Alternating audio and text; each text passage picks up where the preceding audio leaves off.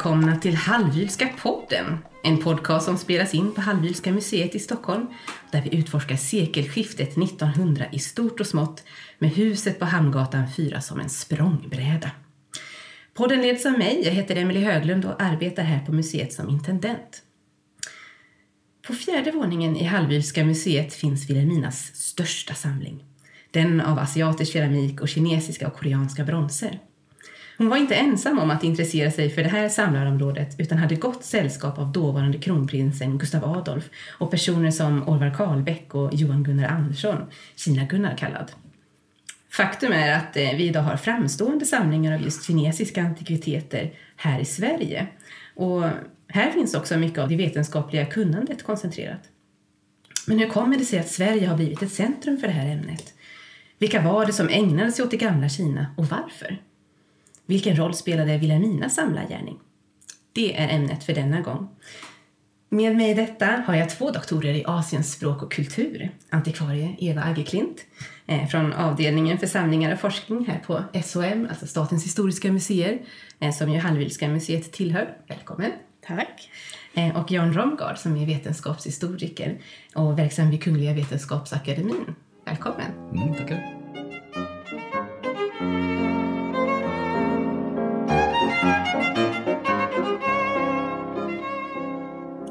För Kina har ju funnits ganska länge i västvärlden. Och tänker man på kinesiska antikviteter så är det nog lätt att man vandrar tillbaka ända till 1700-talet och Ostindiska kompaniets glansdagar. Eh, men vill ni säga någonting om fascinationen historiskt och hur den kan ha ändrat sig när vi kryper fram till 1800-talet som inledning?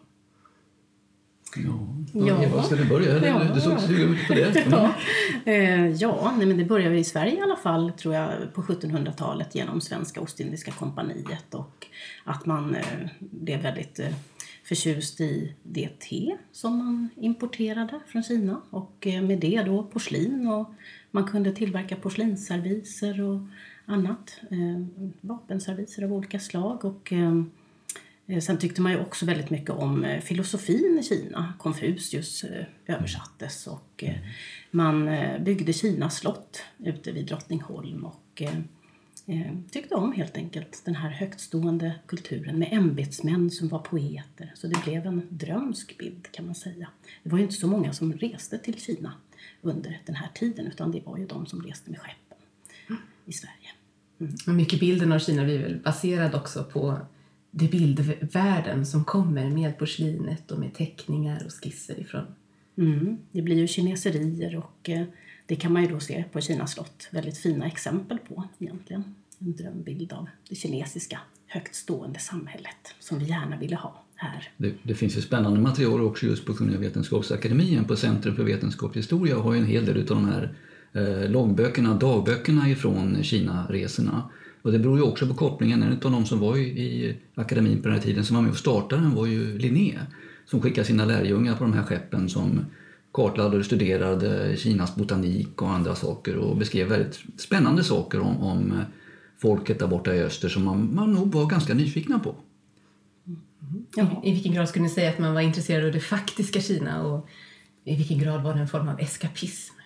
Nej, nej, alltså, jag skulle säga nästan det faktiska Kina när det gäller de, de resenärerna. Man var verkligen genuint intresserad och det fanns en merkantilistisk en idé om att man i Sverige kanske skulle kunna eh, lära sig av länderna utanför. Och man ville, hade också en spännande idé om man skulle försöka odla silke i Sverige och sådana saker. Så man hämtade kunskap ifrån öster som man trodde skulle kunna gynna också eh, svensk industri och sådana saker. Så de aspekterna finns också i det här. Mm.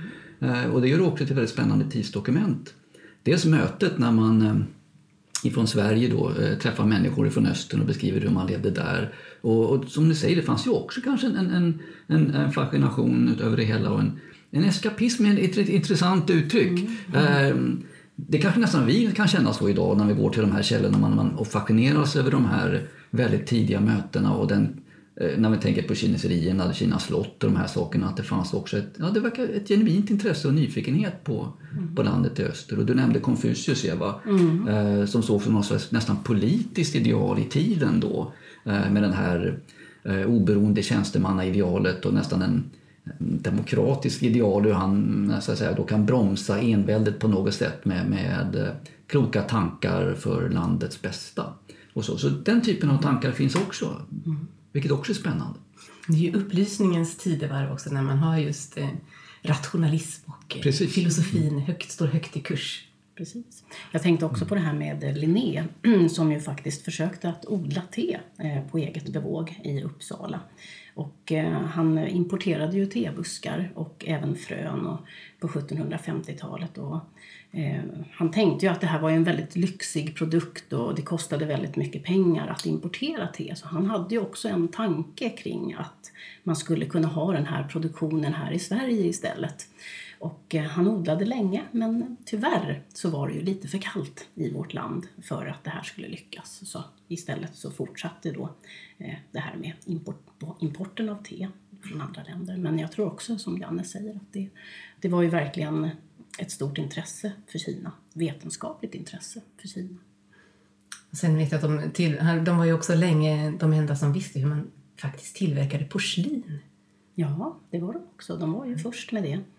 Eh, och eh, ja, då var det ju portugiserna som började upptäcka det här just i västerlandet i alla fall. Och eh, det var ju hårt klingande, Eh, väldigt bränd bränt på väldigt höga temperaturer.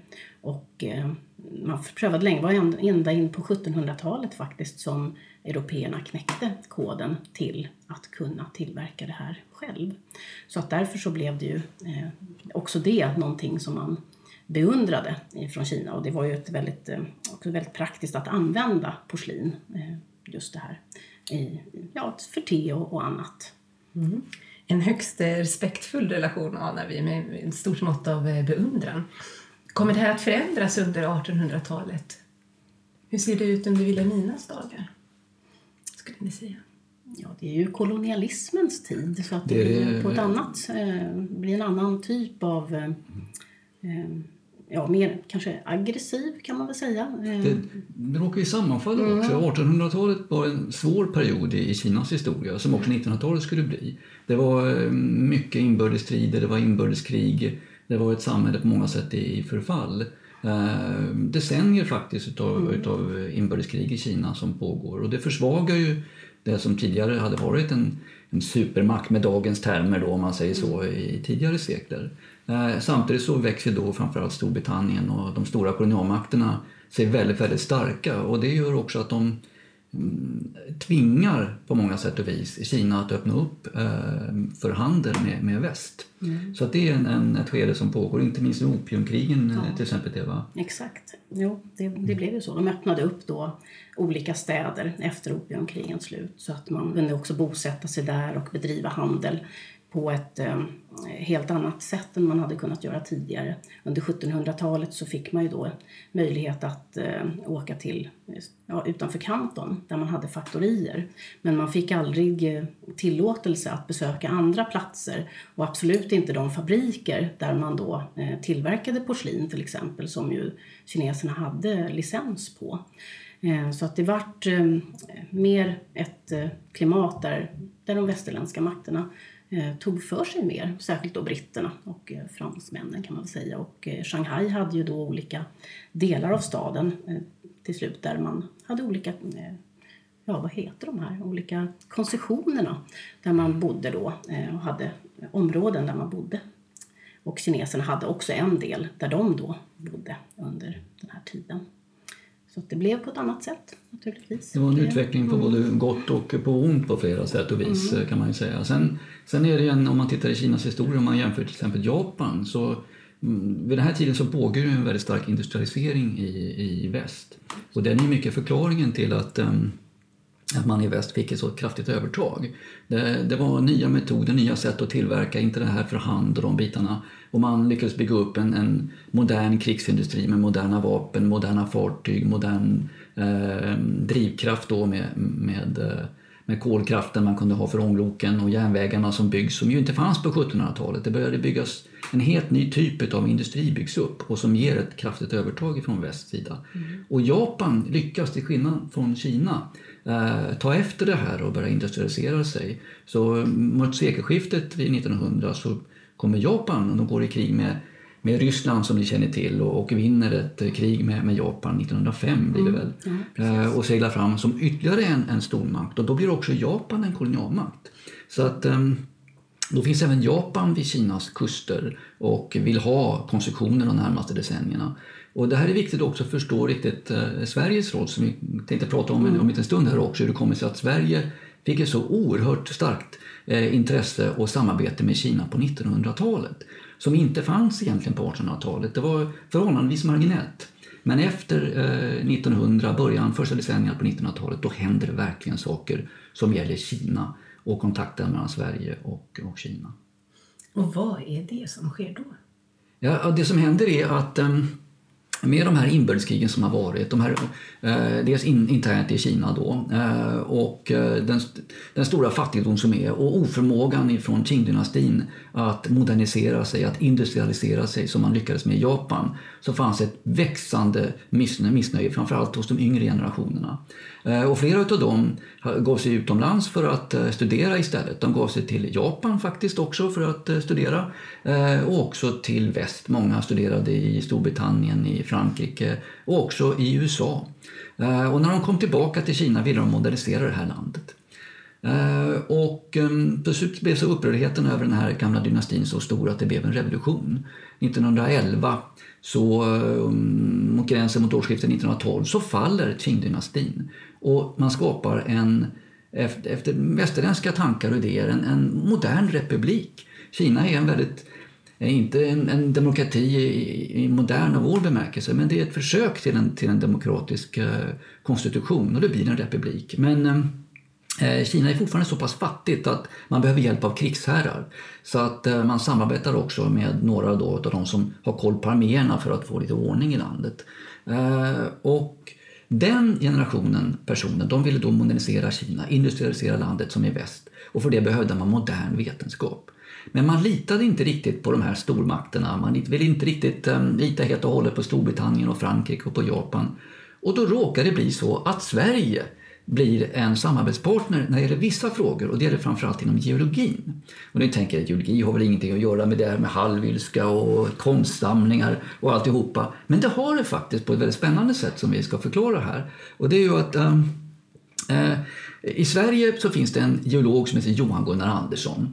Uh, han skulle senare vara med och starta Östasiatiska museet. Eh, men han kom till Kina 1914 och blev rådgivare i gruvfrågor åt Kinas regering. Eh, så hans expertis det var att bygga upp, eh, kartlägga Kinas eh, geologiska, alltså naturresurser. Vad har de för järnresurser och kolresurser? Därför att då i industrialiseringen var det två saker som var viktiga för att bygga. Det var liksom byggstenarna för alltihopa.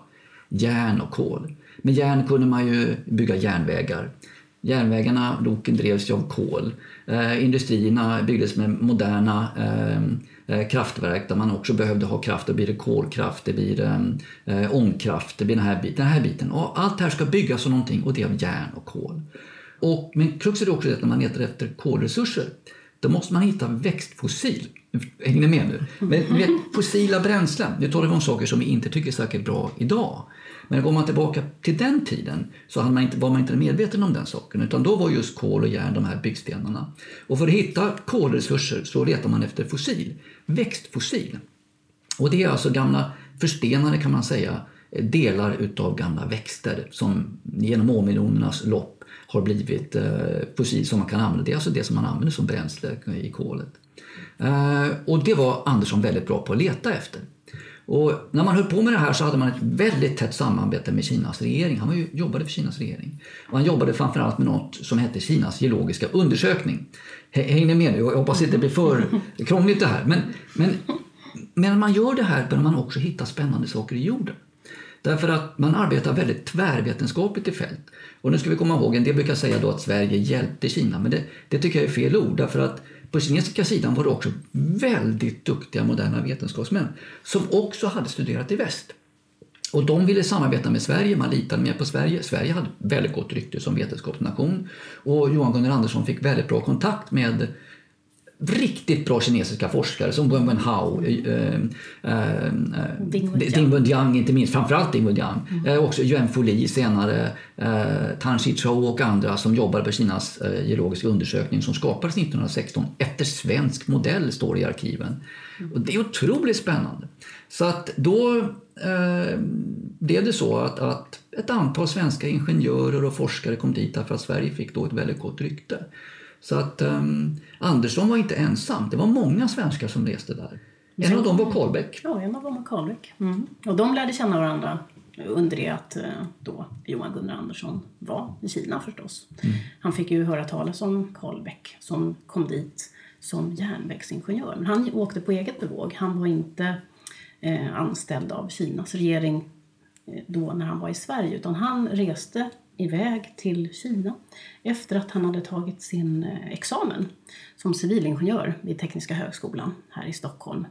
Och eh, tanken från början var nog inte att resa till Kina utan han hade sökt arbeten på lite olika järnvägssträckningar för att han visste att det var järnvägsingenjör som han ville bli, som han, ville ägna sig åt järnvägsbyggen.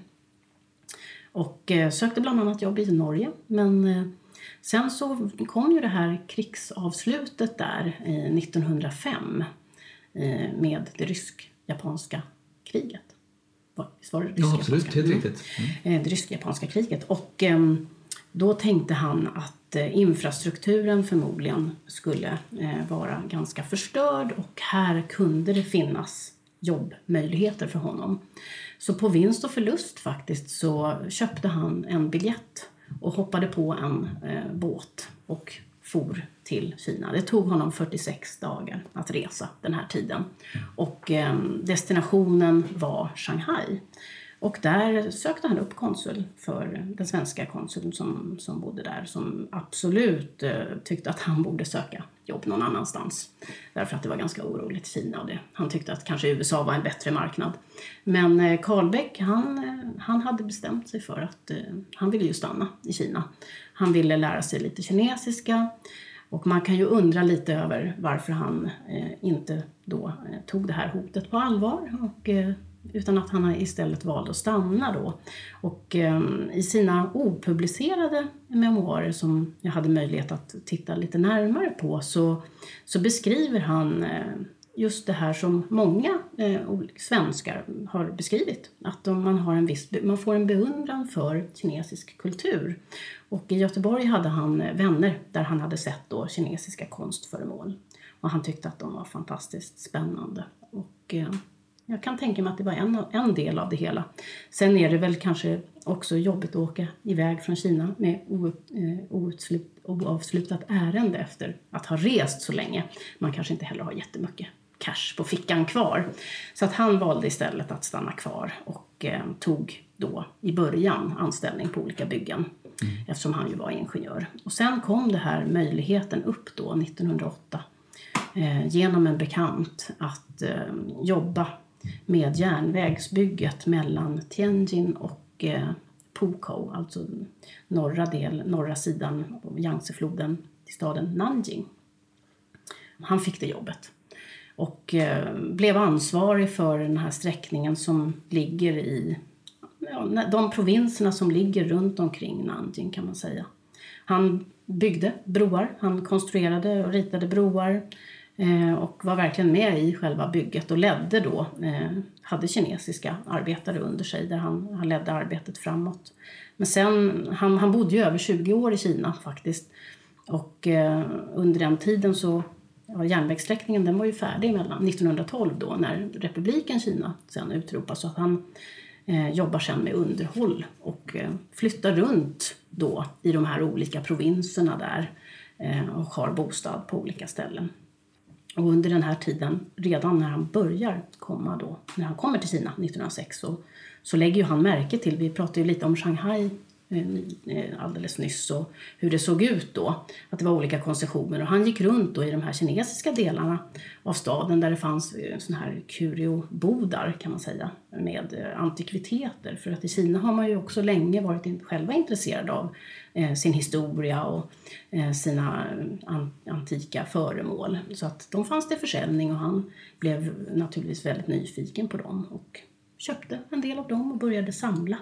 För det blev hans stora hobby kan man säga när han levde där i, eh, runt i trakterna kring Nanjing då, Pukou.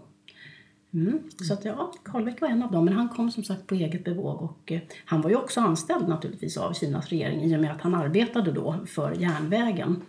Eh, mm. Men ja, sen lärde de känna varandra, Johan Gunnar Andersson och eh, Karlbäck. Mm. Och fick ett samarbete som, ja, som vi kan ju se frukterna av här både på eh, Östasiatiska museet och här på Hallwylska museet kan man säga. Mm.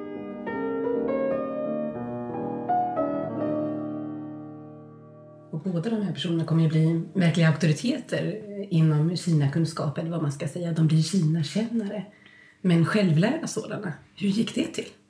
Ja, eh, det, om, om vi tar Johan Gunnar Andersson då så är det eh, så lär de framförallt känna varandra sedan på 1920-talet. I början på 1920-talet hade de eh, ordentlig kontakt. Innan dess är jag säker på att de träffade varandra och sådana saker. Men, men Andersson kom ju dit 1914 så han är ju alltså efter Orvar Karlberg, precis som du säger här nu, som hade varit där ett antal år redan och redan börjat intressera sig för antikviteter och börjat handla upp dessa saker. Var, var djupt, eh, genuint intresserad. Något som överraskat mig också, Eva, i din forskning, att du beskriver också hur otroligt kunnig han också blev.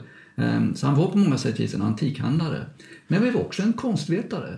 Eh, av, av riktig rang alltså. Hans, hans, eh, det han skrev har, har haft en förvånansvärt, eh, ja, var förvånansvärt bra sett till vad vi vet idag. Men ehm, Andersson hade ju en annan bakgrund. Han var ju vetenskapsman.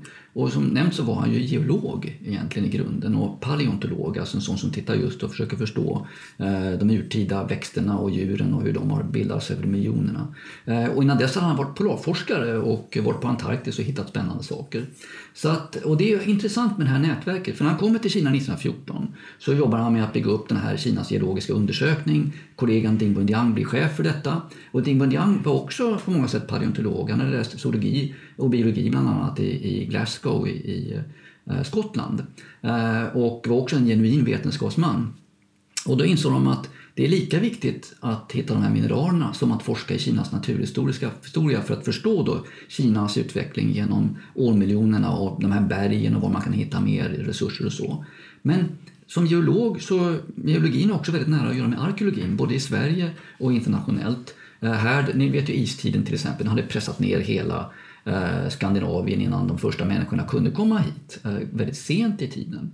Eh, och det gjorde att man var intresserad av att förstå hur liksom landhöjningen, de här frågorna och då kan man liksom se hur de första människorna är där liksom har varit högst och sen har det stigit högre och högre upp och man ser första jordbruken och sådana saker när man tittar på Sveriges historia.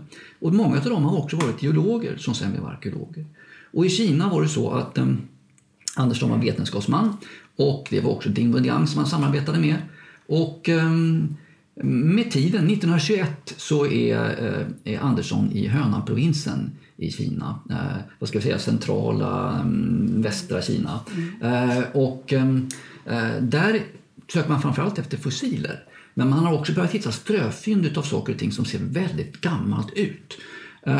och när Andersson går från en liten stad upp mot den här byn Yangsha där han har hört att det kan finnas spännande saker så på den tiden fanns inga riktiga vägar utan det var hålvägar som det heter. Där man går alltså där, där du vet, hästar och vagnar med, med år, tusen århundradenas lopp liksom, har grävt ner så det blir som gropar längre och längre ner i marken. Så det blir stora raviner på kanterna där de här vägarna går. De här naturliga grusvägarna kan man kalla det för. Och då när han ser längs bergvägen som geolog så ser han först där, där är ju sånt här rött lager där jag hittar gamla fossiler som är jättegamla. Men så över detta så hittar man plötsligt, men där är något konstigt som sticker ut i bergväggen. Annan struktur, annan färg. Så han går fram dit, eh, tar handen över det här liksom, upp över huvudet för att liksom nå och eh, gräver ut en liten flis, en liten skärva utav en kruka, en krukbit som är färgad. Och han undrar vad är det här för någonting? Eh, och det visar sig vara den första upptäckten av en förhistorisk kinesisk kultur, nämligen Yangshao-kulturen, som idag daterar mellan 4500 till 2500 f.Kr.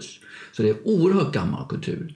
Eh, att det här var så sensationellt då berodde på att i Kina har vi de här gamla skriftliga källorna som går flera tusen år tillbaka i tiden. Ända till Zhou-dynastin finns det källor. Så det går alltså tillbaka till ett, eh, vad blir det, 1045 f.Kr. Då börjar den här Zhou-dynastin. Så där har det alltså funnits skriftliga källor hela vägen i Kinas historia. Så man har inte haft samma behov som i Sverige utav att eh, försöka hitta, gräva fram små skärvor ifrån ja, gamla ben från vikingatiden och sånt där. Vi har liksom ingenting kvar av det slaget här, så det är ju helt unikt med Kinas historia. Men då hittar alltså Andersson, den här geologen, någonting ännu äldre. Och det väckte sensation både i Kina och i Sverige. Och eh, Andersson han rapporterade direkt till Kinas regering, till ministrarna i Kinas regering eh, och till chefen för Kinas geologiska undersökning Ding Bundian och få tillstånd till en utgrävning på det här stället. Och pengarna för utgrävningen kommer från något som heter Kina-kommittén som, som har bildats 1919, två år tidigare. Som är till för att stödja det här arbetet med Kina. Det fanns inte pengar i Kina ordentligt. Och det fanns ett starkt intresse för den här forskningen som då var om naturhistoria framför allt. Men nu gav man också pengar till den här utgrävningen för man tyckte att det var ju otroligt intressant. Mm. Och det leder till den första moderna arkeologiska utgrävningen i Kina 1921. Och där är ju Wilhelmina med. Ja, på, på vilket sätt då? Hon, har kontakt, hon har kontakt med dem. Hon ja. sitter inte i kommittén, men hon har kontakt med kommittén. Hon har kontakt med ja. kommittén, ja. Hon känner ju då eh, kronprinsen Gustav Adolf. För han samlade ju också på eh, östasiatisk keramik eh, tidigt. Och, eh, så de hade kontakt tidigt. var ju väldigt intresserade av de här samlingarna. Kinakommittén eh, har ju också en väldigt spännande historia. Den, mm. den kommer, jag förklarade det här med att Andersson var ju polarforskare från början. Så den, eh, den, innan dess, 1913, fanns det något som hette den Antarktiska kommittén. Och dess mål var att, att satsa på ny forskning till Antarktis. Men sen kom första världskriget emellan. Man hade tänkt sig samarbeta med Storbritannien och fick forska om naturhistoria på Antarktis. Faktiskt klimatforskning, men det kan vi tala om eh, vid ett annat tillfälle. Men det är otroligt spännande forskning tycker jag, eh, även som vi ser det idag. Eh, och då bildade man 1913 den Antarktiska kommittén. Och eh, Polarforskning var väldigt stort i Sverige, ni vet nu hör man fortfarande polarforskning, Vega-expeditionen, ni vet som upptäckte Nordostpassagen och det var liksom stora saker. Kaptenen på det fartyg som upptäckte Nordostpassagen, eh, fartyget hette Vega, han hette Palander av Vega, han blev adlad. Han blev den första ordföranden 1919 när den Antarktiska kommittén bytte namn till Kina-kommittén. Därför att man lyckades inte komma till Antarktis igen för att första världskriget bröt ut. Eh, eh, Storbritannien hade lagt koloniala anspråk på den lilla ö som Sverige hade undersökt 1901-1904 när Sverige var där. Eh, och samtidigt har Andersson blivit rådgivare i Kina och börjat bygga upp vetenskapligt samarbete. Och då tänkte man i Sverige att men det här är ju intressant. Vi kan inte åka till Antarktis, det är kört på grund av kriget. Vi, vi bytte namn till Kina-kommittén och satsade på den här forskningen tillsammans med Kina. Och det var verkligen tillsammans med Kina för att den kommittén sponsrade både svenska och kinesiska forskare som tillsammans i fält undersökte Kinas geologi och naturhistoria och även arkeologin. Så den, den, den kines som var med var en geolog som hette Jen Foli, hade pluggat i, på Columbia University i New York, så han var med och grävde den där första utgrävningen 1921. Till exempel. Mm. Förstår jag det rätt också? Jag har hört att man också sökte efter människans ursprung när man gjorde det. Oj, oj, oj. Jajamensan, det gjorde man. Det var faktiskt ett uttalat mål. Den allra första gången, det är också spännande. Eh, alltså, jag kan inte begripa hur det här är så okänt för de flesta, som kanske också många till som lyssnar nu. Alltså, Sverige 1919 så var det ett uttalat mål när den här Kina-kommittén bildades. Den allra första artikeln om att Kina-kommittén har skapat eh, 16 september 1921 dyker upp i, i pressen så står det att ett av de stora målen är att försöka upptäcka och finna människans ursprung i Kina. Det är helt otroligt. Men hur kan det komma sig? Jo, det beror på att på den tiden hade man inte ännu få klart för sig hur viktigt Afrika var i de här eh, frågorna. De här fynden som makarna Liki skulle göra var ännu okända, det hade inte kommit fram.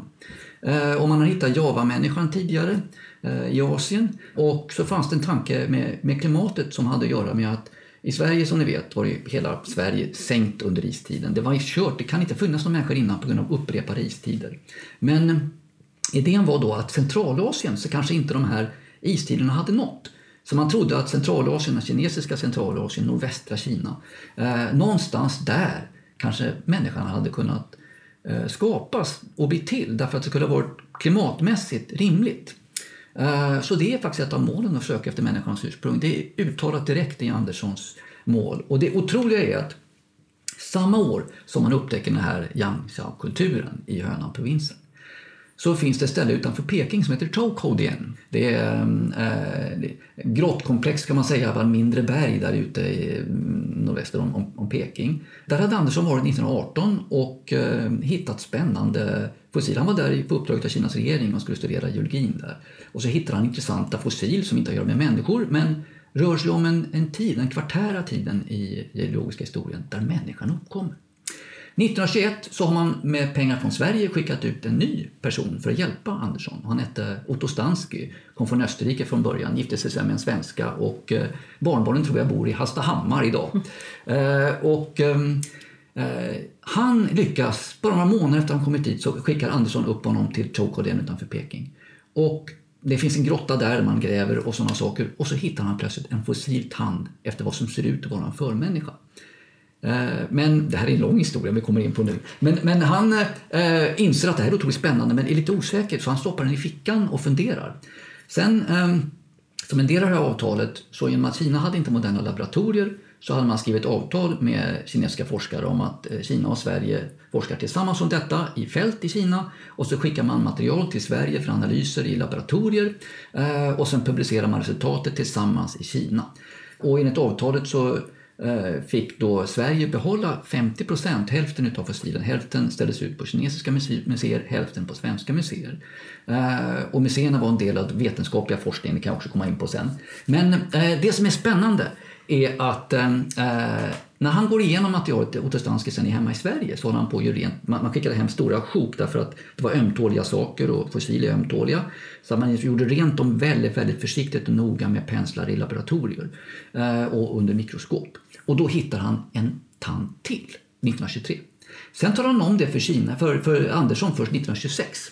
Och då presenteras det här i närvaro av eh, ordföranden för Kinakommittén som då var Sveriges kronprins, just Gustav Adolf.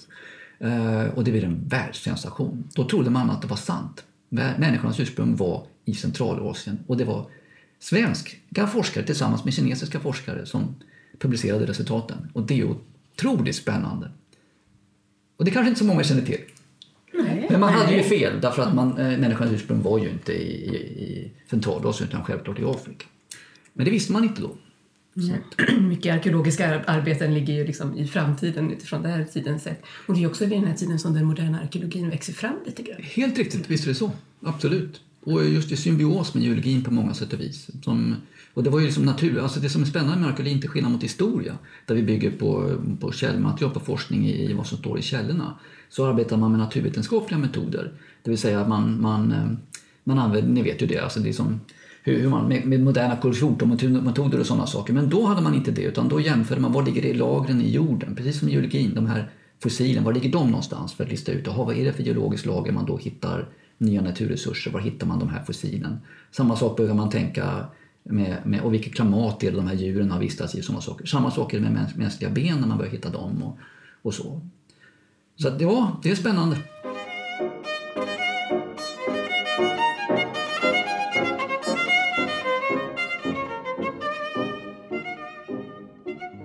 Då kan man verkligen se att eh, Johan Gunnar Andersson hade nytta av sina av sin bakgrund som geolog när han gav sig in i det här. Ja, Men även Karlbäck hade nytta av eh, sin utbildning när han gav sig in i utforskandet av de här antikviteterna. Ja, det tror jag absolut. Han var ju eh, teknisk, en ingenjör eh, från Tekniska högskolan och jag tror att han, eh, han, han samlade ju både på eh, keramik i och för sig, som ju också är en, en teknisk produkt kan man ju säga med hur man bränner det med höga temperaturer och så vidare och får de här eh, verkligen perfekta eh, konsistensen på porslinet. Men eh, han intresserade sig nog i allra högsta grad för just bronser och eh, hur då bronser gjutits. Och kanske berodde det här specialintresset just på att han han var ingenjör och eh, var intresserad av tekniken helt enkelt. Ehm, men hur han då, han blev ju då också, han var ju också självlärd, det pratade vi om lite grann tidigare och eh, hur det kom sig att han kom in på det här, det var ju att han hade intresset just för antikviteter. Och när han kom till Nanjing då så efter ett tag så var det ju många konsthandlare där som upptäckte att eh, Carlbeck hade det här intresset och eh, började helt enkelt att söka upp honom och presentera olika typer av föremål för honom då som han köpte. Eh, och eh, efter ett tag så började han ju se då någon typ av mönster i det här. Han, han intresserade sig särskilt egentligen för små bronser. Alltså bälthakar och det kunde vara dolkyxor och även fiskkrokar. Allt möjligt sådana här små bronser. Eh, även betsel till hästar och så. Och eh, han tyckte att det var intressant med dem för att de hade en viss typ av ornamentik. Och ehm, också att de kom just ifrån den trakten då, där han bodde och arbetade. Så att han förstod, han kunde då förstå, eh, han intresserade sig särskilt för en kultur som Eh, var ungefär på 500-talet före Kristus som var ett rike som, som fanns där runt den här floden som hette Huai, Huai River, eller Huai sjö. Och eh, de folk som hade bott där. Så att han, han började samla på sig och han byggde egentligen då kan man säga någon typ av forskningssamlingar. Eh, och eh, så småningom så började han ju då att skriva. Han, han, eftersom han befann sig också i det här området då kunde han också ta reda på var någonstans de hade grävts upp och, och så vidare. Så han kunde göra en kartläggning av det här materialet och få någon typ av förståelse för den här ornamentiken. Eh, så att han gjorde det här för att han skulle kunna forska. Det var ju hans, inledningen var att han ville kunna forska kring de här föremålen själv. Och han ställde upp dem i sitt hem och, och så vidare. Och sen fick ju då andra se svenskar som ju bodde i landet, bland annat då Johan Gunnar Andersson var och besökte honom då när han bodde eh, på, på några av de här platserna och såg hans samlingar och tyckte att det här var väldigt spännande. Och du nämnde 1921, då var han ju faktiskt, då hade de också korrespondens genom åren. Och han tyckte då att det vore ju otroligt spännande eh, om något svenskt museum faktiskt skulle kunna ta sig an någon av de här eh, samlingarna som han hade samlat på sig. Eh, så att när han sen reste hem 1922 så hade han ju då tagit med sig en samling med just småbronser från den här Huai-dalen eh, som då sen finns här på Hallwylska museet. Faktiskt. Ja, och vid den här tiden så var det ju inte alls vanligt att man samlade på just brons. Eh, nej, det fanns väl nog en viss... Eh, just stora rituella kärl hade man nog eh, eh kunnat eh, se i Europa. Det var ju då andra antikhandlare, en av de största kanske under den tiden. Det var den här C.T. Law som ju reste ut ur Kina i början av 1900-talet och eh, han etablerade en firma i Paris och sen hade han också eh, filialer i New York. Så att han var väl kanske en av de första som introducerade en hel del då, eh, kinesiska antikviteter. Men han var ju så att säga skillnaden mellan eh, eh till exempel och C.T. Law kan man väl säga då är att Law var verkligen konsthandlare eh, och eh, han var ju han skrev ju väldigt många artiklar och, och, forskade kring sina saker också. Plus att han arbetade med personer som Johan Gunnar Andersson eh, och kronprins eh, Gustav Adolf som ville bygga en typ av museum omkring de här kinesiska kulturerna och försöka inkludera också kunskap om Kina Eh, till eh, andra till världsberättelsen egentligen om bronsåldern eller så. Så att tanken från början när Karlbäck då kom med den här eh, brons, första bronssamlingen som han så småningom sålde till Wilhelmina von Hallwyl det var ju att han, han hade kunnat tänka sig sälja den till Nationalmuseum som då redan hade en, en samling med kinesisk konst genom Oswald Sirén. Eh, men sen hade de inte riktigt råd. Det var ändå eh, lite för dyrbart att få sponsring och donationer för en sån, ett sånt inköp. Ehm, och, eh, men han höll också, han, eftersom han nu kunde en hel del om de här sakerna så höll han också föreläsningar och så vidare och fick visa upp de här sakerna.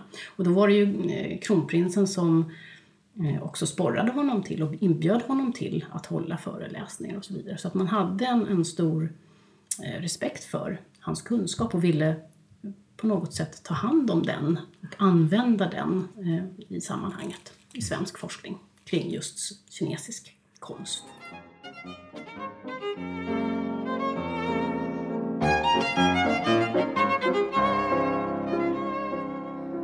Och det var just genom en sån föreläsning som Wilhelmina upptäckte den här samlingen. Ja, det var det. Och då var hon inte där själv utan hon hade skickat sin svärson och eh, i det här opublicerade materialet så står inte vem svärsonen var men det verkar ju rimligt att det var då konstprofessor Johnny Rosvall eh, som var där och som eh, då talade om för henne att det finns en fantastisk samling med kinesiska bronser som är jättespännande. Och sen anmälde hon intresse för den och, och så blev det då att han kom hit till huset och sålde den. 1922. Mm. Det finns ju spännande kopplingar det som, som eh, förklarar saker med det intresse som Andersson hade. Eh, har, har rent vetenskapliga grunder. Som man, jag vet att eh, kronprinsen var ju intresserad både av arkeologi men också utav konstvetenskap. I högsta grad var intresserad av konstvetenskap. Jag kan nämna också, om man går tillbaka när den här Kina-kommittén bildades 1919, så eh, skriver man att, att det här är liksom ett samarbete med världens äldsta kulturland. Och det är ju Kina då. Så man ser det som ett samarbete mellan Sverige och Kina. Men det som får de här bronserna att bli intressanta för Andersson och kronprinsen är den här upptäckten 1921 utav Yangtze-kulturen i Hönan-provinsen. Därför att ehm, som jag nämnde så fanns det ju ingenting annat. När han, när han hittade det här så var det allra första fyndet av någonting som är äldre än de äldsta dynastierna. Eh, och många av de här bronserna eh, kommer ifrån det som man brukar kalla för Zhou-dynastin eh, från 1045 till 256 f.Kr. någonstans. Det är ett antal olika riken i vissa tider i det här då, som, som du nämnde till exempel Eva. Mm. Men, men, så där har man skriftliga källor ifrån och då är det ju bronser. Med andra ord så är det en bronsåldersdynasti.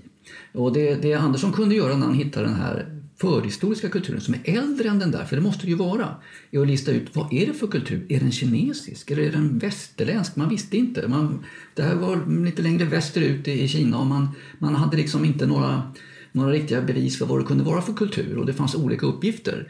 Hans kinesiska kollegor, några av dem till exempel, sa att det här kan ju inte ha med Kina att göra, det är alldeles för primitivt.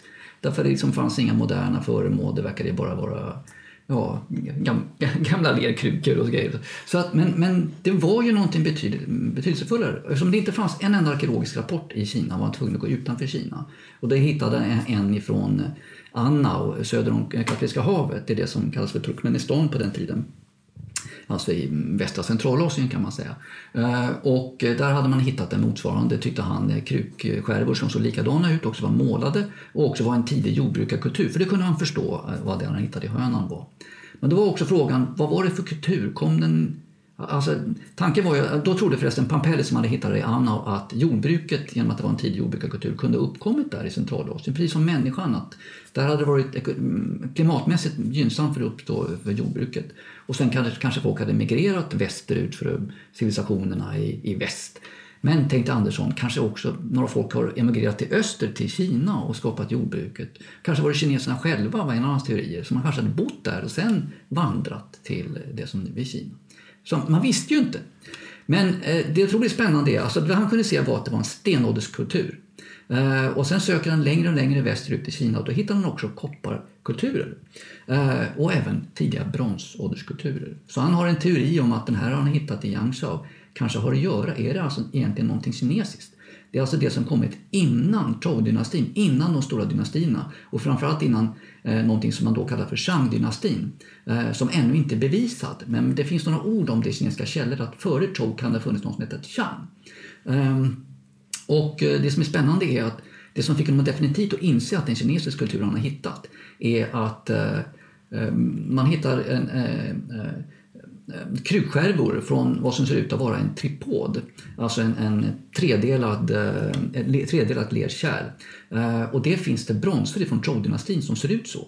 Och de eh, har man ett kinesiskt tecken för som är, är li och det är ett piktogram. Så alltså det visar hur det här tecknet ser ut och det ser ut precis som, ett, som en sån här tripod. Och då tittar man på de här tripoderna man hittar i, eh, i Yangsha. Visar sig de här lerkrukorna.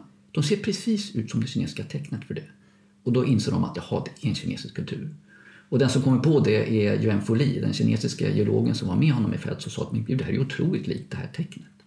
Eh, och, eh, så då inser han att det finns ett samband mellan stenålder och bronsålder. Och bara några år senare så hittar en, en kinesisk arkeolog i Anyang, gräver ut där och eh, där bevisar han också att den här Shang-dynastin fanns på riktigt. Och det var eh, en, ja, det var också en, en tidig, på, på väg mot bronsåldern och att det som Andersson har hittat då är det som kom innan det på motsvarande områden. Det ligger inte långt bort ifrån Yangzhou som han hittade. Ja, mm. så det är spännande. Men det förklarar också ett intresse för att man, man vill också studera de här bronserna, förstå vad de hade de för bakgrund och insåg att det kunde finnas kopplingar till hans forskning kring Kinas förhistoria, förstå vad hade hänt? Hur hade Kinas eh, kultur uppstått? Hur hade det fortsatt genom seklerna och årtusendena? Hur hade det blivit de där dynastierna? Och då tänkte man att både de här stenåldersföremålen och de här bronsåldersföremålen kunde ge ledtrådar till att förklara den här utvecklingen. Precis som vi gör när vi tittar i Sverige och förstår våran stenålder och bronsålder. Och järnålder sen. Mm. Mm. Den här samlingen måste ju verkligen varit högaktuell och superspännande när Wilhelmina köpte den. Men vad innehåller mm. den egentligen? Ja, den innehåller ju då delvis eh, bronsspeglar faktiskt. Från, eh, ja, de, de, ser ju, de har en ornamentik eh, kan man säga på ena sidan och sen så var den då, när den var ny en gång i tiden så kunde man blankpolera den och kunde man då verkligen spegla sig man speglar sig alltså i metallen? I metallen, brons. Ja. Och brons är ju en, en legering egentligen. Det är ju inte som guld och silver, en sorts eh, värde som man väger. I Kina gjorde man ju till och med pengar av brons. Så att det är ju, eh, vad är det, koppar och tenn tror jag man som en legering. Och eh, det här hade man ju då kunskap om och man var väldigt stolt över att kunna eh, skapa de här bronsföremålen i Kina. Eh, så att absolut, när den här kom hit till Sverige så tror jag delvis så var hon ju verkligen, eh, verkligen banbrytande med att eh, våga köpa en sån samling med små bronser. Eftersom ute i Europa så var det ju mer rituella kärlen och där det fanns kinesiska inskriptioner som sinologer hade verkligen sjå med att eh, tyda ut vad det stod på de här och det var ju högsta modet. Men just småbronser var det inte jättestort intresse kring och särskilt inte en som var eh, researchad och eh, försökt till att skapa någonting. Så det är ju bronsspeglar och sen är det en hel del vapen, alltså svärd och dolkyxor men det finns också dräkthakar, fiskekrokar. Det finns någonting som man trodde var en hårrål men som nu då när, man, när Eh, Hallwylska museet har forskat kring det igen eh, man tror att det kan, kan hända vara eh, istället en akupunkturnål men mm, det är ju ny forskning som hela tiden ja, som nu bedrivs igen nu då för att kunna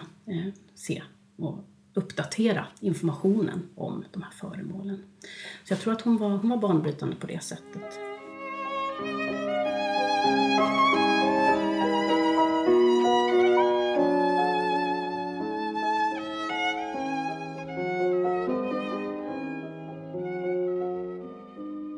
Särskilt just den här samlingen har ju varit under under luppen nu på sistone och vi har eh, gästats av Michael Lee från Statens eh, museer för världskultur, alltså där Östasiatiska museet ingår idag, som har varit här och tittat på de här bronserna och lagt ett kulturhistoriskt lager till dem. Och det här kan man ju, om man vill, utforska lite via vår hemsida, för er som lyssnar, om ni vill fördjupa er i hur man faktiskt använder de här föremålen under, under sin tid så kan ni gå in under digitala samlingar under utforska och klicka er vidare där. Där finns både en digital utställning men också en publikation där bland annat Eva har skrivit en artikel också. Jag tycker man ska titta på bilderna. Jag gick in och tittade i, i, igår kväll på det här och det är ju det, mm, när man, dels, jag läste Evas artikel som är jätteintressant. Och sen gick jag också ner och tittade på Makeri, vad han har skrivit. Och det är ju, han går verkligen in på de här föremålen, men titta gärna på dem. Det är fascinerande att se, som Makeri har berättat också i sina föredrag, att eh, man ser det här eh, hästbetset till exempel i brons. ser precis likadant ut som moderna betset. Och det är fascinerande att tänka hur det, många tusen år det här är. Det är ju otroligt fascinerande också med de här föremålen på många sätt och vis, som säkert också fascinerade eh, Vilhelmina eh, när hon själv såg det här och, och liksom fascinerades av detta. Jag vet inte om hon var intresserad av hästar. Men, eh, men det är många som är ute i världen, inte minst här i Sverige. Så att då är det fascinerande också att se hur eh, jag kan bara nu komma in på helt andra saker, men jag kan nämna en kollega i USA som eh, Eh, länge hade en, en, eh, som en av de första eh, som låg på nätet om, om alltså forskningsrapporter om Kina av olika slag. Han heter Victor Mer. Och när han, han gav ut, en, en kollega skrev då han gav ut det åt honom, så skrev han om hästens historia i Kina. Och den bara svischade iväg. Den har blivit den blev laddad i, jag vet inte hur många gånger, men den har blivit hemladdad otroligt många gånger över hela världen. Så hästar är någonting som fascinerar människor över hela världen. Eh, så de kopplingarna är också roliga och spännande att se. Och det är kul att se att de finns utställda här om någon kommer och tittar på museet. De ligger väl i montrarna här va? Uppe i. Mm, Ja, absolut. Det gör det. Ja. Hon hade ju innan hon eh, då köpte den här så hade hon ju en ansenlig samling av just porslinsföremål kan man säga. Eh, så att där är ju väldigt mycket kompaniporslin. Men eh, Orvar Karlbäck eh, hjälpte henne lite grann också när det gällde att gallra den här porslinssamlingen lite grann. Och hon köpte också in då mm, lite äldre typer av keramik till som hade lite mer tyngd i sig. Så att hon fick en möjlighet att berätta också porslinets historia i Kina från det att det var av de äldre tidernas och sen då fram till kompaniporslinet. Det är väldigt mycket roliga figuriner i hennes samling som jag tycker är kul. Som man kan berätta väldigt mycket om just Kinas kulturhistoria kan man komma in på på många olika sätt. Så att det är en kul samling faktiskt. Det är ganska typiskt Wilhelmina också att bygga översikter när hon samlar eh, på olika kategorier. Men då måste nästan jag fråga er. Hur kommer det sig? Det som är spännande tycker jag, ju mer jag läser och förstår det från er också, utan vad hon faktiskt gjorde. Eh, sen är det spännande också att det är en kvinna som gör det här, som samlar de här, på många sätt prestigeföremålen också, men med en vetenskaplig tanke. Och hon verkar ju också ha verkligen velat sponsra och hjälpa eh, svenska unga eh, konstvetare, kvinnliga konstvetare och hade ju som ett, en idé om att chefen i framtiden för det här museet skulle vara en kvinna. Bestämt. Och det är ju spännande. Varför gjorde hon det här måste jag fråga. Varför, varför ville hon skapa den här spännande samlingen? Och det där, det är väl, vad säger hon? hon själv säger ju att hon skapar det här museet för en långt avlägsen framtid. Eh, och eh, bygger ju upp den på ett sånt sätt där hon inte bara skänker samlingarna, salongerna, de eh, konstnärligt utsmyckade rummen utan verkligen inkluderar hela hemmet. Det vill säga utrymmen som hon aldrig skulle släppt in sina egna gäster i heller. Som sitt eget sovrum till exempel, köket, stallet, garaget. Alltihop följer med med alla tillhörande föremål som också katalogiseras. Så jag tror att det här handlar väldigt mycket om att hon eh, i och med att hon är så pass förmögen också och har, råd att utnyttja de senaste moderna uppfinningarna som kommer kan se att världen håller på att förändras. Man kan läsa i hennes årsanteckningar så skriver hon om just hur hon bestämmer sig för att ta med även sopkvastar och diskborstar därför att de kommer att bli det märkvärdigaste när allting sen drivs av elektricitet. Så att, säga. så att här finns liksom en blick på framtiden och hon säger att hon skapar museet som en, eh, en bild av sin egen och äldre tiders kulturhistoria. Så här finns liksom motivationen kan man säga. Hon verkar också, som du säger, ha varit väldigt bestämd i precis hur det här ska gå till. Eh. Det är nästan så när jag nu vandrar runt här och så, det, det är nästan Eh, det är verkligen som en, en liten tidskupa som har blivit av sig. Så, att, eh, Pompeji kan man säga, fast på ett helt annat sätt för det finns inget hemskt över på det sättet. Utan här har liksom bevarats, det är en bra beskrivning av det. Det här är liksom en, en tidsepok och den spännande med den här tidsepoken är ju också att det här är industrialismens tidevarv eh, och det finns samtidigt något nostalgi att bevara det där gamla som är på väg bort och försvinna och samtidigt kommer någonting annat framöver som är okänt och där globaliseringen som vi har upplevt under, under våran tid där, där liksom alla kan köpa samma varor över hela världen.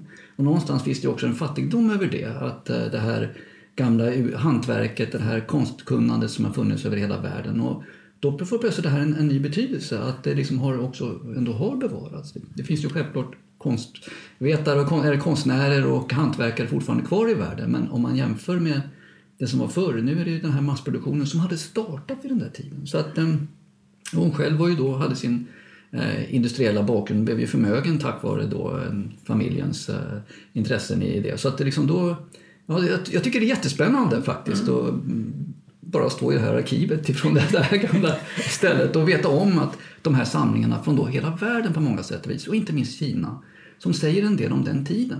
Den nyfikenheten och intresset för världen men också en, en nyfikenhet på det gamla, det där som är på väg bort. Det är ju spännande att hon är ju hon är till och med före Gustav Adolf med att samla eh, orientalisk keramik. Hon börjar redan 1879. Då hittar hon eh, två japanska skålar som hon blir väldigt förtjust i i en antikaffär. Och jag tror att eh, Gustav Adolf var i början av 1900-talet när han ärvde någonting av då, sin farfar. Och efter det så tog det här, eskalerade hans intresse för just porslin. Och eh, ja, det fanns ju Bukowskis här. Så att hon eh, var ju en mycket flitig kund och eh, en av de bästa faktiskt genom tiderna. och skaffade mest av, av porslinet via Bukowskis. Mm. För så långt som till Kina det reste hon aldrig personligen. Utan där Nej, men kanske i drömmarna då på sätt och vis. Sen, sen, sen ska man säga är Gustav Adolfs försvar att han var inte riktigt född när hon satte igång. Jag säga. Men han, han, var lite yngre än vad hon. Han gick bort 1973 först. Hon gick bort, vad var det, 1930? 1930. Ja, alldeles för tidigt på sätt och vis. För hon hade kanske fortfarande kunnat uh, berätta om saker och ting på det här stället. Nej, men det är ju, det är ju otroligt spännande och att han gjorde det så tidigt. Och att intresset var ju också väldigt högt för Japan, men det är ju en annan femma. Så att, ja, men det största är ju faktiskt kinesiska i ja, just hennes precis. Eh, samling. Sen tänker jag på, i din artikel så skriver du om året 1926 som är så oerhört viktigt för eh, det växande intresset för just kinesiska antikviteter här i Sverige och i västvärlden. Vad var det som hände då? Ja, det hände flera saker. Delvis så öppnade ju faktiskt då Östasiatiska museet faktiskt med Johan Gunnar Andersson som chef. Eh, men samma år så, så for ju också just eh, kronprins Gustav Adolf med kronprinsessa ut i världen. Eh, det var en resa som hade planerats under många år.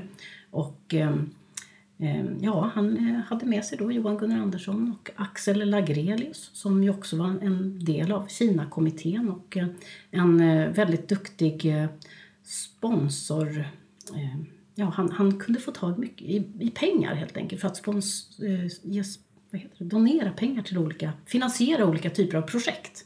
Bland annat då Kinakommitténs eh, och alla Johan Gunnar Anderssons resor och hans eh, undersökningar och eh, publikationer.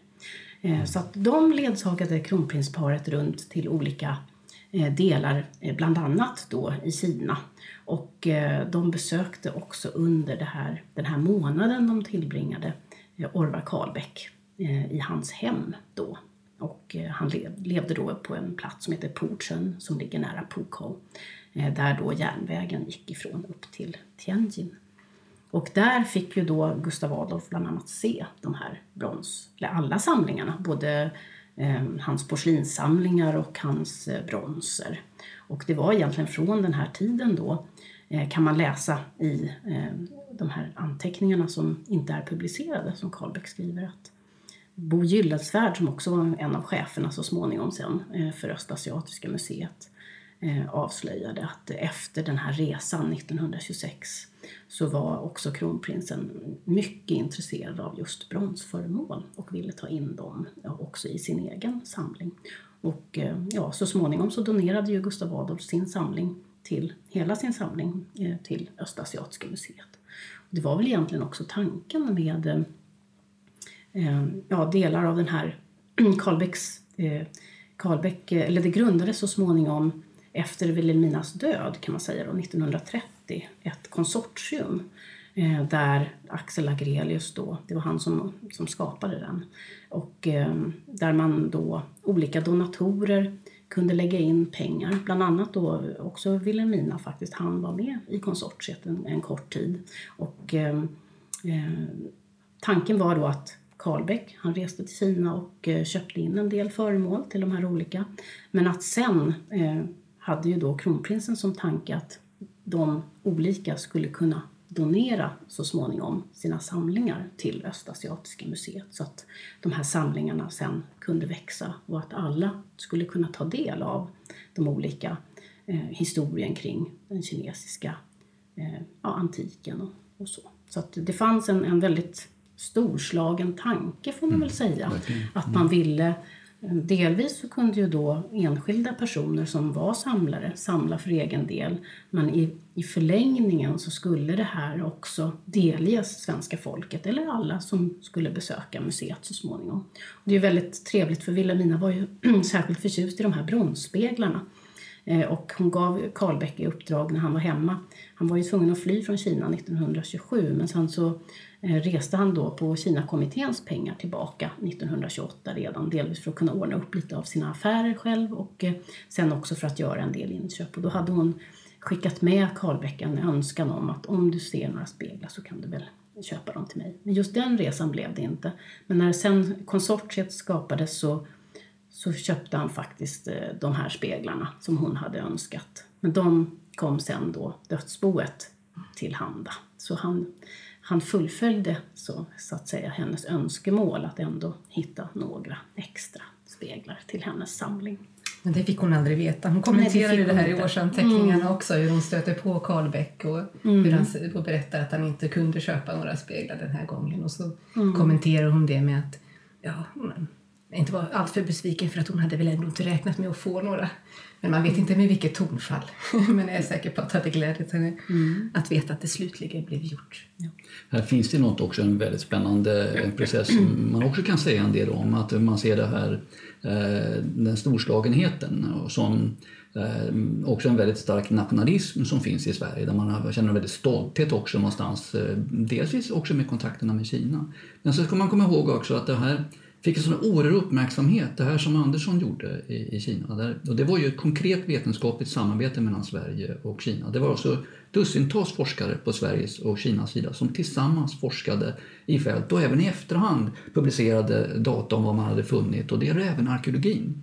Så att ehm, eh, det, det som är är fascinerande då att det var så världsledande när man upptäckte den här förhistoriska kulturen och eh, man startade också bygger upp museer. Det här ställs också ut i Kina på det geologiska museet som startas under den här tiden där man också ställer ut föremål kring arkeologin. Eh, och eh, museerna var också ett sätt att, att vetenskapligt bearbeta föremålen. Hade man hittat en, om man tar naturhistoriska är det kanske lättare att förstå det. Om man hittar ett fossil, man har plötsligt hittat ett i berget och där vet man att man kan hitta den typen av kol eh, som är där, där, där vet man bra kolresurs, den typen av berg från den tiden ur historien. Så om man hittat den så går man ut i fält och hittar en till sten eller ett till fossil så lägger man det i ett museum bredvid det första och då vet man lite mer. Jaha, den här hittas i den typen av berg och den typen av naturresurser vi hittar där. Och så bygger man steg för steg en kartläggning av hur naturhistorien ser ut. Eh, så det fanns också den typen av intresse eh, med museerna. Eh, men sen finns en annan sida av saken också. Att, ehm, som jag nämnde, Andersson var intresserad också av att försöka förstå hur Kinas utveckling, vad var det, när var det stenålder, när blev de här koppar, när blev det brons? Hur liksom utvecklingen konsthistoriskt men framförallt även tekniskt, han var mycket intresserad av att förstå den teknologiska utvecklingen i Kina. Även inte nutiden faktiskt. Eh, och det ville han berätta, för sen efter 1925 så kommer han hem till, till eh, Sverige mycket riktigt. Eh, och då startar man ett första museum eh, kring de här sakerna och sen 1926 så skänker då, för det är Kina-kommittén har skrivit avtal med Kina om samarbete om de här föremålen. Och hälften fick till Sverige och hälften skickades till Kina med och alla rapporter publicerades i Kina. Och så startar Östasiatiska museet där Kinakommittén skänker detta. Men här finns ju också en, en eh, sen får den också en inriktning när Kinakommitténs ordförande eh, reser just till eh, Japan, till Korea och också Kina och stannar där ganska länge. Det här är en tanke om att bygga upp ett östasiatiskt museum. Det heter då The Museum of Far Eastern Antiquities på engelska. Och det, ringa, det klingar fortfarande oerhört eh, stort ute i världen.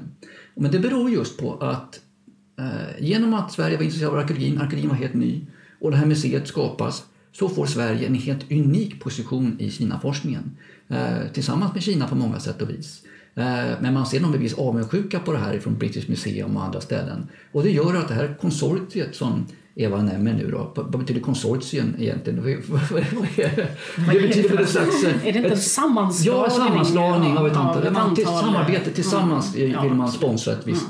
Projekt av något slag. Och det är både institutioner ja. och privatpersoner egentligen som ingår. Alltså det är ju museer, som British Museum till exempel är med i det också. Så, så här, här mm. finns också en liten annan eh, sak än vad Andersson kanske var ute efter. Där var det rent mm. vetenskapliga. Här handlar det om att bygga upp ett, ett, ett, eh, ett museum med världsrykte som ska berätta om hela Östasiens historia, men framförallt om det oerhört spännande Kina. Och det är de här, då skapar man de här fantastiska samlingarna. Och, och Östasiatiska museet var under decennier världsledande och jag skojar inte när jag säger, säger så. Det fanns då en, förstås en enorm stolthet men också en viss nationalism som känns märklig för oss idag när man tittar på hur de tänkte. Men det ligger kanske också bakom Wilhelminas, men det fanns också en väldigt stark nyfikenhet tror jag. Det, jag tror det fascinerade väldigt många människor med det här märkliga landet där borta i öster. Så att, eh, Men sen var det också lite mm. ja, lyckosamt för vi hade ju också mm. i Sverige våra egna sinologer så att säga. Om man Absolut. lyfta mm. lite grann svensk sinologi här. Våra föregångare. våra föregångare. Med Bernhard Karlgren som ju också blev en av cheferna där på Östasiatiska. Men han kunde ju faktiskt tyda ut väldigt mycket av det som stod på bronserna. Mm. Eh, och stora bronskärl och rituella kärl som finns där. Så att vi, ja, sen har ju vi då eh, haft Göran Malmqvist och andra eh, stora sinologer här i Sverige. Så det är, ja, det är en tid när sinologi eh, utvecklas egentligen, då i Frankrike delvis, men, men också här så småningom. Och med forskning kring föremål på ett östasiatiskt museum. Absolut, visst är det så. Mm. Liksom även Ryssland och Japan. Det, det finns en, många duktiga sinologer ute i världen men mm. Sverige fick ett renommé under några decennier med just de här namnen du nämner som är nästan chockartat att inse när man tittar ut i världen. I Sverige känns det lite mer eh, är lite mer okänt, lite mer, man vet inte vad var det där för några snubbar egentligen. Men tittar man ut i världen så är det stora namn alltså, eh, som gjorde stora insatser för sin tid. Att, eh, och även de här som vi har nämnt här, Johan Gunnar Andersson och Orvar Karlbäck, de levde ju i Kina länge och eh, ja, Orvar Karlbäck lärde sig ju en hel del kinesiska. Inte tillräckligt bra kanske för att kunna tyda ut vad det stod på bronserna för att Wilhelmina anlitade ju då Bernhard Karlgren att just göra översättningarna kring det som står då på bronserna som finns här uppe. Och han gjorde ju också det för Öst, Östasiatiska museet. Men han var ändå duktig och han, han kunde ju prata kinesiska. Och jag såg en hel del sådana eh, hemma hos familjen som jag tittade i deras privata arkiv så fanns det ju då hans övning av tecken till exempel. Att komma ihåg kinesiska tecken och skriva och, och lära sig ord och sådär. Så att han, han kunde det eh, kinesiska. Men visst behärskade han tillräckligt eh, bra kinesiska för att kunna tillägna sig viss forskning som fanns på språket om de här bronserna? Absolut, och han var ju, det var ju han oerhört noga med faktiskt, att gå tillbaka till kinesiska källor och kinesiskt material. Vad har kineserna själva skrivit om eh, bronserna? Och det finns ju en hel del eh, sån litteratur faktiskt, för under Song-dynastin då som var på 900 till ungefär ja, 1100-tal eh, så gjorde man en hel del undersökningar och eh, verk kring bronser. Eh, och ritade av och beskrev dem och namngav dem. Så att han, han, hade, han var väldigt noga med att det skulle också vara kinesiska källor med i hans undersökningar. Och han hade kontakt med studenter också. Han ville väldigt gärna prata med andra. Bland annat var han ju också god vän med Li Ji som ju du nämnde Jan. Ja just det, som grävde ut, var den som upptäckte och bevisade de här kopplingarna mellan de äldsta kinesiska dynastierna som man ser i källan att det verkligen fanns Chang-dynastin och dess kopplingar också mot det förhistoriska Kina, det där som Andersson hade tittat på innan. Otroligt spännande forskare. Eh, så att, nej, men det, det, det, är väldigt spännande det här som du nämner, alltså att Karlbeck, och det, det första han gjorde var att direkt börja plugga kinesiska, ville verkligen ta till sig den här kulturen. Inte sitta, det var många som eh, vistades i Kina vet jag om från den här tiden, från väst, som aldrig ville som att lära sig språket utan de mest umgås med, umgicks med sina egna Eh, och spelade bridge på kvällarna. Typ. Men det här var ju en helt annan typ av person och det tycker jag är väldigt spännande. Sen säger det kanske också någonting som för mig också var, var nytt och spännande att höra som du har berättat. Det, är ju, eh, ja, det, alltså det säger en del om hans renommé. Att eh, de här samarbeten med British Museum och, och Parisarna och så vidare, det visar ju att man i eh, Europa också hade väldigt, han hade hög, alltså han, han var verkligen respekterad för sin kunskap om de här sakerna. Mm. Så det är också väldigt spännande att eh, titta närmare på. Mm, Roligt. Mm. Ja, det ger ju mer smak till att eh, läsa ännu eh, djupare vad han ju faktiskt har skrivit om bronserna och eh, de artiklar. Det är ju ändå 27 publikationer eh, totalt om mm, olika typer av eh, gjuttekniker och det handlar om eh, bronsspeglar och vapen och eh, jadeföremål. Så att det, det blir ju en ny typ av, ja, att närma sig det här genom, dem, genom vad han faktiskt har skrivit nu om det, tänker jag. Det är ju väldigt spännande. Och på hans lista över publicerade verk så mm. finns ju också katalogen, eller hur? För där var han ju också involverad mm, i ja. författande. Precis, han blev ju då inbjuden att eh, delvis att skriva katalogen över eh, de här asiatiska keramiken. Så det, han gör ju den första. Och sen också över bronserna då. Eh, så att, ja. Detta är efter Vilhelminas död förvisso, mm. men han var ju här redan under Vilhelminas tid och gjorde vissa korrigeringar i kladden till, till katalogen som skulle komma. Ja, hon verkar ha hållit honom högt för hon pratar om honom som eh, Kina, eh, China scholar helt enkelt. Kina-forskaren kallar hon honom för. Kina-forskaren Orvar Karlbäck.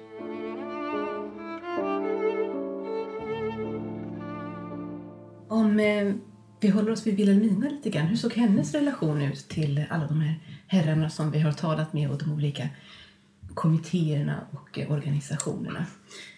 Ja, alltså hon var ju en, in, hon var ju en eh, inviterad gäst till olika typer av eh, sammankomster kan man säga. Det, det grundades ju något också som hette Kinaklubben som bestod av 17 herrar kan man säga. Bland annat då var ju Orvar Karlbäck en av dem och kronprinsen och en hel del andra.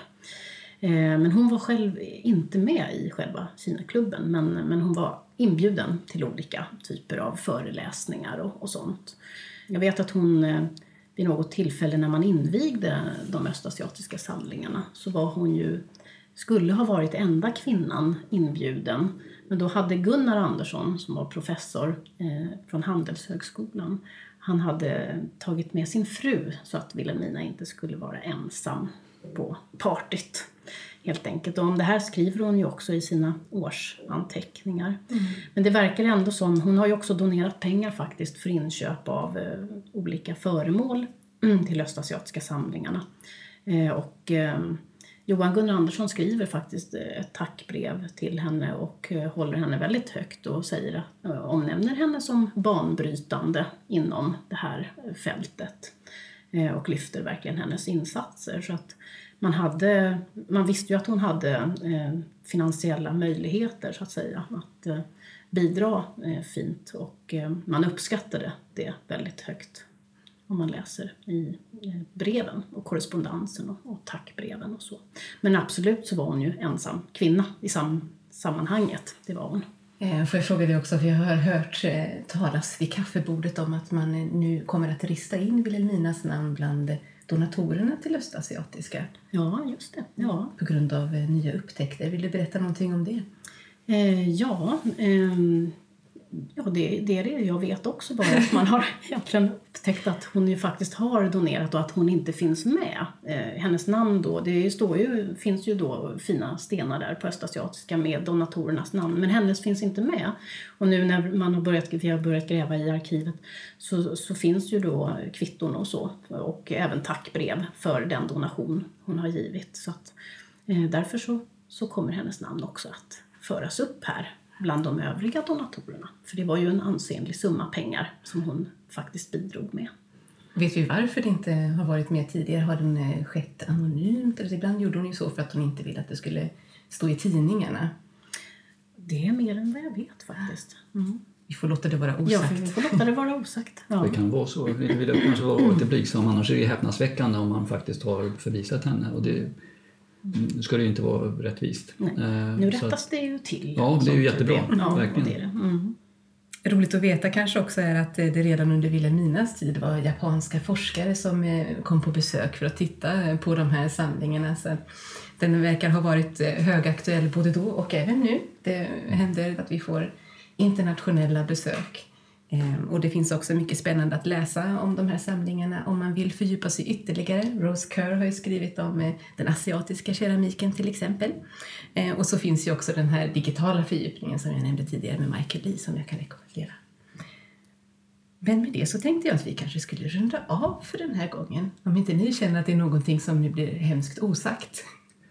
Vi har ju massor ja. mer att prata om. Det får bli till en annan podd. Men det här var ju väldigt mycket vi fick sagt hoppas jag. Jag hoppas mm. lyssnarna hade kul också. Ja, absolut. Vi är oerhört fascinerade av det som finns här. Det är en otroligt spännande tidsresa att komma hit. Och det kanske får anledning att ses igen här vid mikrofonen nere i arkivet. Ja, samlingarna i sig ger ju alla möjligheter till olika typer av ingångar får man ju säga. Det går egentligen att starta var som helst. Bara du plockar ett föremål så kan du berätta många historier om både Kina och kanske Sverige. Tack till alla er som har lyssnat på oss idag och eh, tack Eva, tack Jan för att ni ville vara med i det här avsnittet och jag hoppas jag får bjuda in er igen med nya ämnen. Ja. Gärna. Gärna. tack, tack. tack.